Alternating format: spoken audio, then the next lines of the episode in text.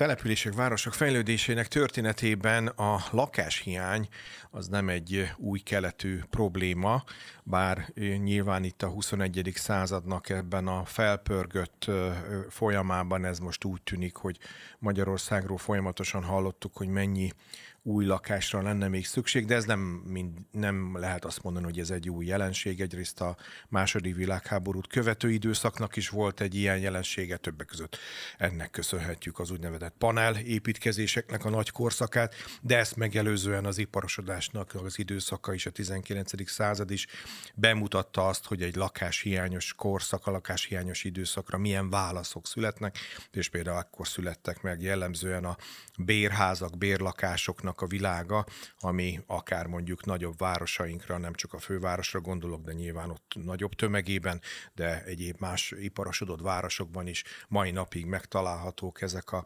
bérház jellegű épületek, amik szándékosan azzal a szándékkal épültek, hogy a ide érkező jövendőbeli munkásoknak akár kisebb léptékekben, akár komolyabb léptékekben, de megtalálják a, az átmenetileg vagy véglegesnek szánt otthonuk. És talán ez az első nagy nyitó kérdés, hisz a bérlakás kérdéssel a mostani visszaesés vagy recessziós időszak is elkezdett vele foglalkozni, hogy mi lenne, hogy a bérlakás programok újraindításával az a differencia, ami esetleg az árnövekedésekből, piac visszaesésekből keletkezett, az konszolidálódna egy bérlakás programmal. Mi hiányzik ehhez? Szemlélet hiányzik, hogy nem csak az a jó ingatlan, nem csak az az otthon, mint fogalom, amit saját tulajdonba tudok, hanem egy bérlakás is tud legalább ilyen otthonérzését adni, illetve lehet, hogy vannak más alternatívái is a lakásépítésnek, mint pusztán az, hogy ingatlan fejlesztőkkel leszerződve hozzájutunk, a tömegével előállított minőségről nem is beszélve, akár egy jobb, kedvezőbb és már azt lehet mondani, hogy megismert szomszédokhoz. Ez lehet akár a lakás következő alternatívája. Ezt a kettő módozatot vizsgálnánk meg. Szabó Júlia beszélgető partnerem, építész, urbanista, egyetemi docens a Budapesti Műszaki Egyetemen, akit üdvözlök itt a vonalban, Zoomon rendelkezésre, úgyhogy a hang ennek tükrében fog megjelenni. És mi mivel mi ismerjük egymást, ezért tegeződni fogok, fogok vele. Szerbusz Júli, szia, üdvözlünk itt a Hit Rádióban. Szia, én is üdvözlök mindenkit, aki hallgat minket.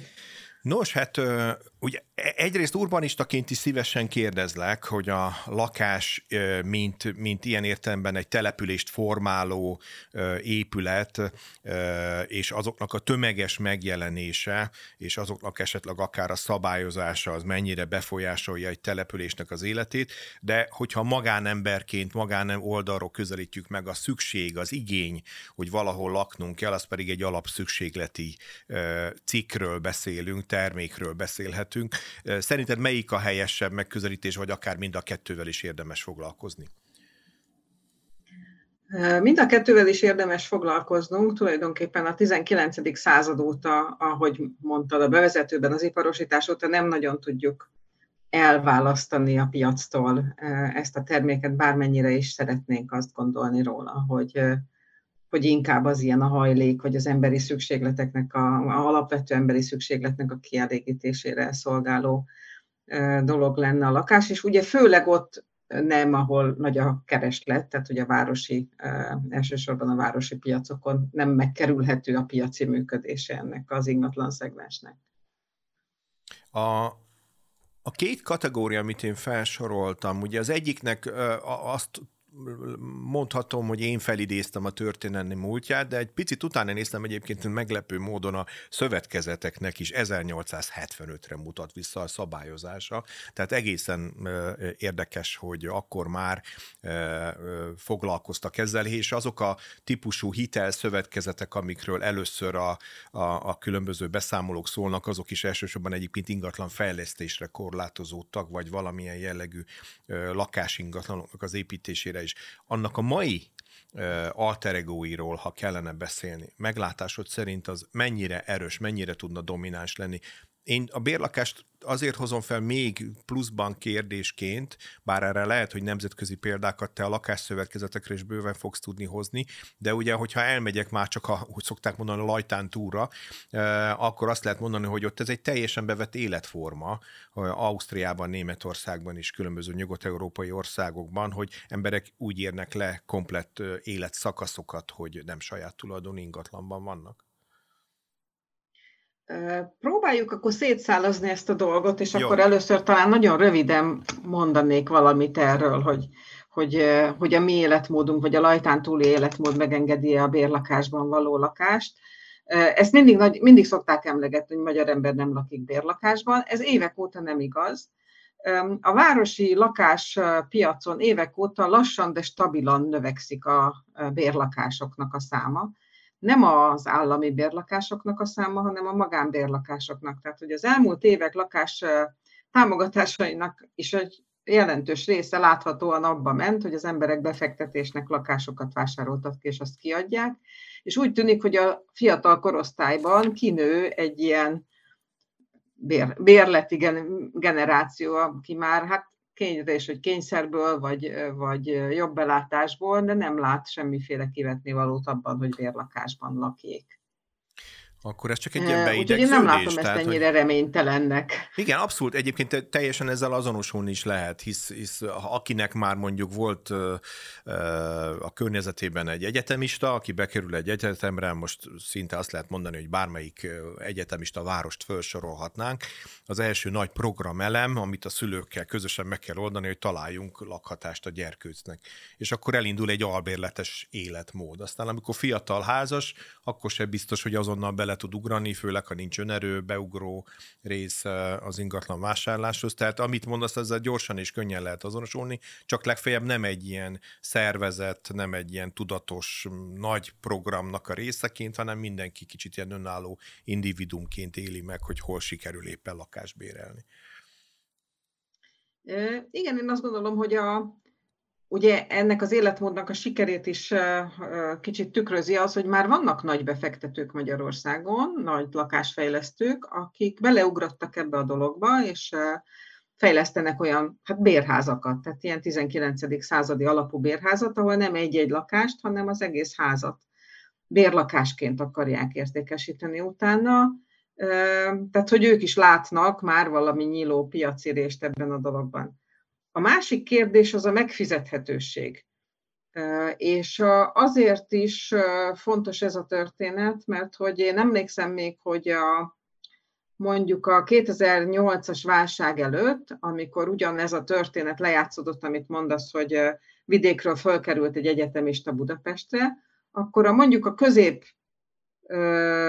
jómódú középosztálybeli szülők nagyon gyakran osztottak, szoroztak, és inkább vettek egy kis lakást, mert úgy érezték, hogy amíg a gyerek elvégzi az egyetemet, addig kifizetnék albérletbe a kislakás árának a nagy részét, tehát hogy, hogy ez jobban megérte nekik. Ma már gyakran ezt nem tudják megtenni, tehát hogy ezért az albérleti piac, vagy a bérleti piac felé mozdulnak el.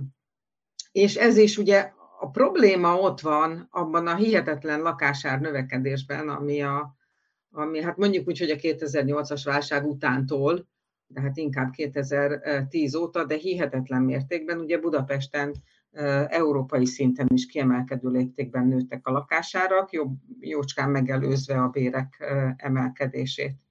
Tehát ugye az a kérdés, hogy ezt hogyan tudjuk letörni, és, és azt kell, hogy mondjam, hogy a, a szövetkezeti programok azok már a 19. század végén és hát a 20. század elején Elsősorban azért jöttek létre, hogy csökkentsék valamilyen módon az elkészülő lakásoknak a költségét. Igen.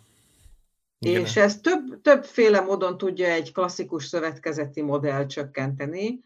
Egyrészt ugye csökkenteni tudja azoknak a pénzügyi, a szükséges pénzügyi eszközöknek a, a, a kamatköltségeit, hogyha ugye a ilyen maga előtt görgeti e, ezeket a hiteleket a, a szövetkezet, és tulajdonképpen a már beköltözők azok, akik összeadják a következő fejlesztésnek a, a, az alapkölcsönét. Másrészt abban az időben ugye élő munkával is csökkentették, tehát nagyon sokszor ezek a munkás szövetkezetek bizony beszálltak az építkezésbe a kétkezi munkájukkal, is tudja csökkenteni ezt a, ezt a költséget. A mai szövetkezetek nagyon sokszor azzal tudják csökkenteni a költségeket, hogy részben vagy egészben kivonják ezeket az ingatlanokat az ingatlanpiacból, és ez azt jelenti, hogy különösen azokban a nagyvárosokban, ahol a lakáspiac a, a financiális, tehát a pénzügyi piacnak a részévé vált, és ezért a lakásárakat az a pénzügyi változások, vagy a pénzpiaci változások nyomják felfele, mondjuk egy ilyen, egy ilyen befektetési stratégiaként, ott ezt a fajta drágulást tudják részben kiküszöbölni a szövetkezetek.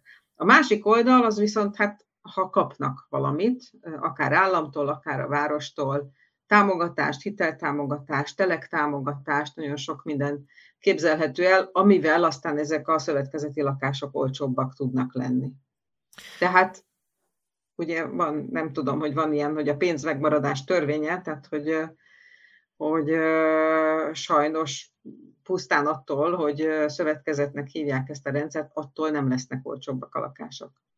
Igen, de, de pont azokat a, az indikátorokat, amiket felsoroltál, azokat azért azt lehet mondani, hogy szerintem aki túl van egy lakásvásárláson mondjuk az elmúlt 5-8 évben, vagy aki mondjuk esetleg környezetében tapasztalt ilyent, az gyorsan belátja, hogy valóban vannak olyan árdrágító tényezők, amiknek az elhagyása, elmaradása az, az azért jelentősen kedvezőbbé, olcsóbbá tudja tenni a lakásépítési paramétereket. A, amit viszont felsoroltál, abban meg pont egyfajta hiányérzetem is jelenkezik, hogy, hogy, hogy mégis, minthogyha ez a lakásszövetkezeti módszertan, ez, ez annyira nincs benne a köztudatban, meg talán annyira nem is preferált. Ugye mostan, a mostani ismerete talán azt lehet mondani, hogy az átlag embereknek a, a szövetkezetekről az, az inkább a múltból fakad, hogy, hogy ma a társasháznak kvázi egy ilyen alteregója, vagy változata az, hogy lakásszövetkezeti a társasház, és nem pedig úgymond jogilag társasházként működik, de az, hogy feltétlen új lakásszövetkezetek jönnének létre, ezek elkezdenének gyakorlatilag akár egy teleket megvásárolni, vagy, vagy hozzájutni, elkezdik azt fejleszteni, ugye megbíznak tervezőt, és elindul egy folyamat, erről kevésbé hallani.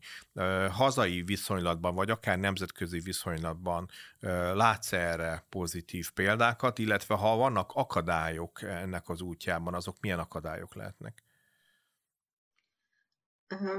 Egyel, tehát akaratot látok, vagy, vagy látok olyan csoportokat, akik szeretnének ilyeneket megvalósítani, az ö, megvalósult példát nem látok. Pontosabban, hát persze vannak Magyarországon szövetkezetek, elsősorban a paneles lakótelepeken, Igen. de ez gyakorlatilag a társasháznak egy más neve, nagyon-nagyon pici jogi eltérés van a társasházhoz képest, és mondod, hogy a, a múltban gyökeredznek a magyaroknak az elképzelései a lakásszövetkezetekről. Hát azt kell, hogy mondjam, hogy nem eléggé a múltban, hanem inkább a szocialista igen, igen, ez így amikor, van. Igen, igen, ez abszolút. Amikor van. kialakult ez a fajta nem szövetkezet, szövetkezet ö, ö, jogi ö, szabályozás, és igazából ez a probléma egy kicsit, a, a, vagy ez az, mondjuk így, hogy ez az első probléma, az új, új típusú vagy új régi típusú szövetkezetek alakításánál, hogy a mai jogi környezet az nem támogatja ezt a, ezt a típust. Nem is tiltja, tehát hogy lehet olyan szövetkezetet alapítani, csak miután nincs rá joggyakorlat évtizedek óta, ezért egy ilyen típusú szövetkezettel hát óvatosabbak lesznek a befektetők, a bankok, a, a hatóságok, mindenki akinek egy ilyen fejlesztési folyamatban beleszólása van a dologban. Tehát ez a jogi környezet, ez, ez egy kicsit egy ilyen akadályozó tényező, és a vele kapcsolatos, a fejekben lévő tapasztalat.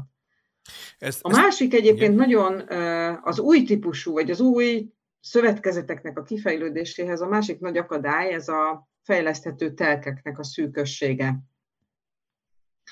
A, ezek az építői csoportok, ugye elsősorban Németországban, Svájcban Ausztriában van ennek, főleg Svájcban nagyon nagy hagyománya, és ott ugye a régi lakásszövetkezetek az idő folyamán, mert hogy ugye ottan folyamatos a történelem a 19. század vége óta, tehát ilyen több ezeres lakásállományokat építettek föl, és hátteret nyújtanak annak is, hogyha egy új lakásszövetkezet indul el. Tehát nagyon sokszor egy új kis lakásszövetkezet egy ilyen régi nagyjal karöltve, és annak a, annak a biztosítékait használva kezd el fölépülni. De hát egyébként is ismerik ezt a, ezt a, a rendszert, tehát hogy nincs egy ilyen ellenállás vele szemben.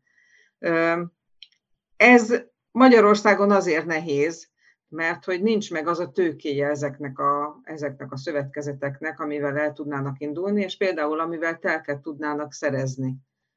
Tehát, hogy nincsenek meg azok a formák, amivel ők egy városi telekhez hozzájuthatnának, hiszen amikor egy ilyen megfelelő léptékű városi telek a, a piacra kerül, akkor egy nagy fejlesztő, akinek a rendelkezésére állnak mindazok a tervezési kapacitások, banki hátterek, jogászi hátterek, amik egy gyors lépéshez szükségesek, azok jóval hamarabb megjelennek vásárlóként az ingatlanpiacon, mint egy ilyen közösség, amelyik mondjuk ugyanarra a telekre ácsingózna, és ezért nagyon fontos lenne például, és ezzel indultak el egyébként nagyon sokszor szövetkezetek például Németországban, hogy városi támogatást kaptak a telekszerzésnél.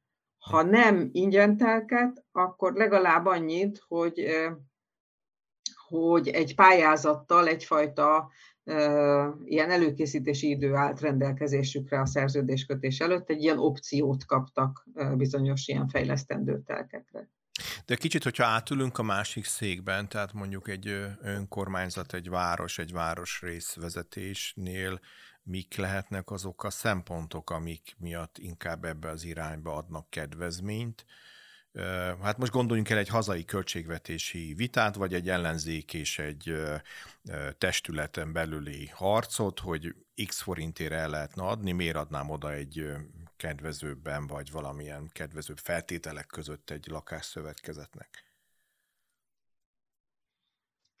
Hát sajnos nagyon rossz helyzetben vagyok, ha át kell ülnem a másik oldalra, mert az önkormányzatoknak a mai pénzügyi helyzetével nem nagyon tudok. Tehát nagyon megértő vagyok azzal kapcsolatban, hogy bármit visz az, hogy minél magasabb bevételt tegyünk szert a telekből, hogy tömködjük a költségvetésnek a lyukait. De mondjuk, hogy egy normális helyzetben vannak ennek a dolognak előnyei, hiszen mondjuk ezért a telek opcióért az önkormányzat olyan követelményeket állíthat föl, amik egybevágnak az ő várospolitikájával, akár az ő lakáspolitikájával. Ugye fejlettebb országokban a városoknak van lakáspolitikájuk.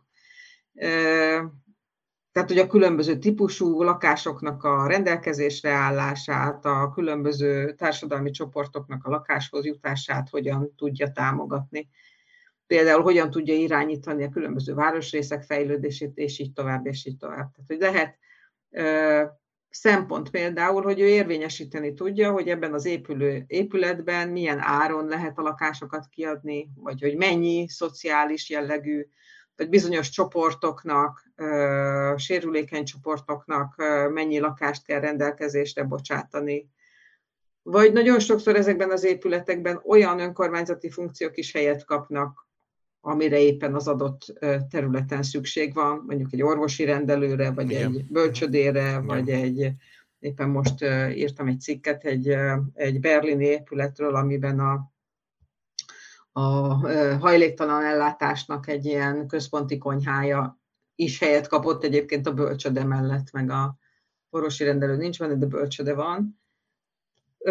Tehát, hogy egyéb egyéb nyereségei lehetnek az önkormányzatnak egy ilyen, ilyen üzletből, vagy egy ilyen együttműködésből, és ami nagyon érdekes, hogy ott, ahol nagy területeket fejlesztenek, vagy újrafejlesztenek, tehát nagy lakó területek jönnek létre mondjuk régi pályaudvaroknak a területén, vagy régi ipari területen, tehát hogy nincs előzménye a lakhatásnak, ott előszeretettel keresnek meg ilyen közösségeket, mert ezek mint egy ilyen felgyorsítják a, a szomszédsági közösségeknek a kialakulását egy új lakóterületen. Tehát, hogy ők nagyon aktívak társadalmilag, programokat szerveznek, bölcsödét, kávézót, nem tudom, egyébként is aktívak a szomszédsági kapcsolatok kialakításában. Tehát nagyon sokszor szerveznek be új lakóterületekre, vagy ilyen rehabilitált lakóterületekre ilyen közösségeket. Ha már... Vagy vonzanak be, nem beszerveznek, hát bevonzanak igen, egy, igen, igen. egy ilyen Abszolút érthető, telekopcióval. Mondhatni, hogy tényleg ilyen el is tudja képzelni az ember ezt az inspiratív közeget, hogy jönnek a különböző ötletek, mert szinte az emberek ott egymást generálják, egymást inspirálják ilyen szempontból.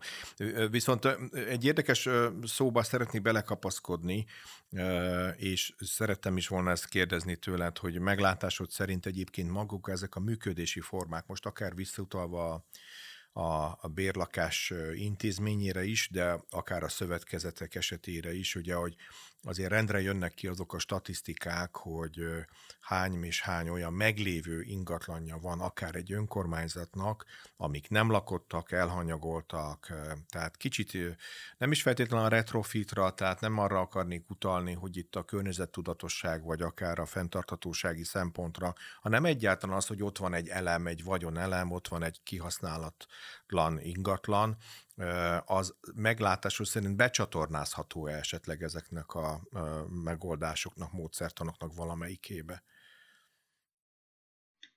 Hát természetesen. Tehát, hogy ha ilyen tágan fogalmazol, hogy kihasználatlan ingatlan, akkor nekem az üres telek is kihasználatlan ingatlan. Ez igaz, ez igaz, igen.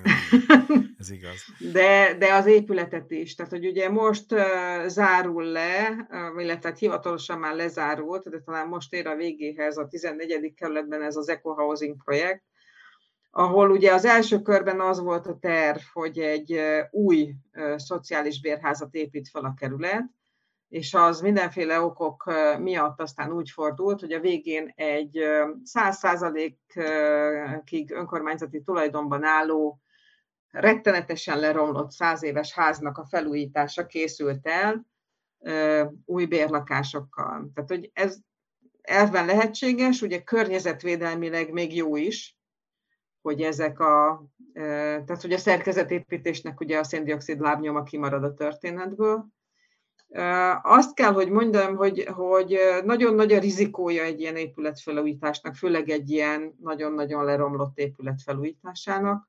Uh-huh. A költségei ennek az épület felújításnak is, a, a mindenfélevel együtt, hát gyakorlatilag új építés négyzetméter áráig uh-huh. ment el, pedig hát nem létesült különösebb luxus az épületben.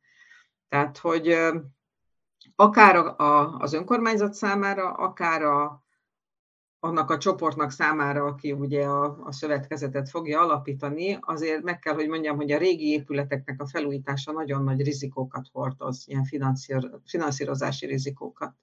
És pont nem a, sajnos pont nem a, a megfizethető irányba tolja el de természetesen én is azt gondolom, hogy a, az önkormányzatoknak az első tevékenysége az kéne, hogy legyen, hogy a meglévő állományt nem is feltétlenül mindig felújítja, hanem ö, felméri és kielemzi azt, hogy mi az, amit érdemes felújítani, és mi az, amit esetleg bontani érdemes, és a telekre újat érdemes helyette építeni. Igen, igen. És hát azt feltételezem ráadásul ez egy ilyen organikus terv, mert ahogy halad az idő előre, egyes ingatlan állományok tovább romlik az állapotuk valamire, meg még mindig érdemes ráfordítani. Így becsatornázható gyakorlatilag egy ilyen összevon programba, ahol valóban, hogy te is kiavítottál, a maga a telek is egy ingatlannál tud válni. De nagyon szépen köszönöm, szerintem ez egy izgalmas és jó téma. A rádió hallgatók számára szerintem önmagában a dilemmát és a kérdést és a lehetőséget sikerült bemutatnunk és felvillantanunk. Én azt gondolom, hogy alkalmas a hazai terep a mind a kettőre, és tényleg jó lenne, ha, ha ebből lenne is valami, mert azért kihúzná azt a palettát, amit most lakás címszó alatt általában értünk. Hogy látjátok? Én, én nem gondolom, hogy minden problémát megold, de nem, azt hiszem, hogy, tehát, hogy el kéne indulni ezzel, mint alternatívával. Így van. De, de ahogy, ahogy utaltál rá nemzetközi példák kapcsán, viszont egy sokkal több olyan társadalmi akciót is képes generálni, amire viszont lehet, hogy azt nem mondom, hogy legalább annyira szükség van, mint a lakásra, de azért jót tenne az életérzésünknek, hogyha a lakótelepek megtelnének élettel, csak azért, mert hogy a közösségek aktivizálódnak. Köszönöm szépen, hogy velünk voltál. Szabó Júliával, építész urbanista egyetemi docenssel beszélgettünk a bérlakás és a lakásszövetkezetek kérdéséről. Én is köszönöm. No, köszi szépen!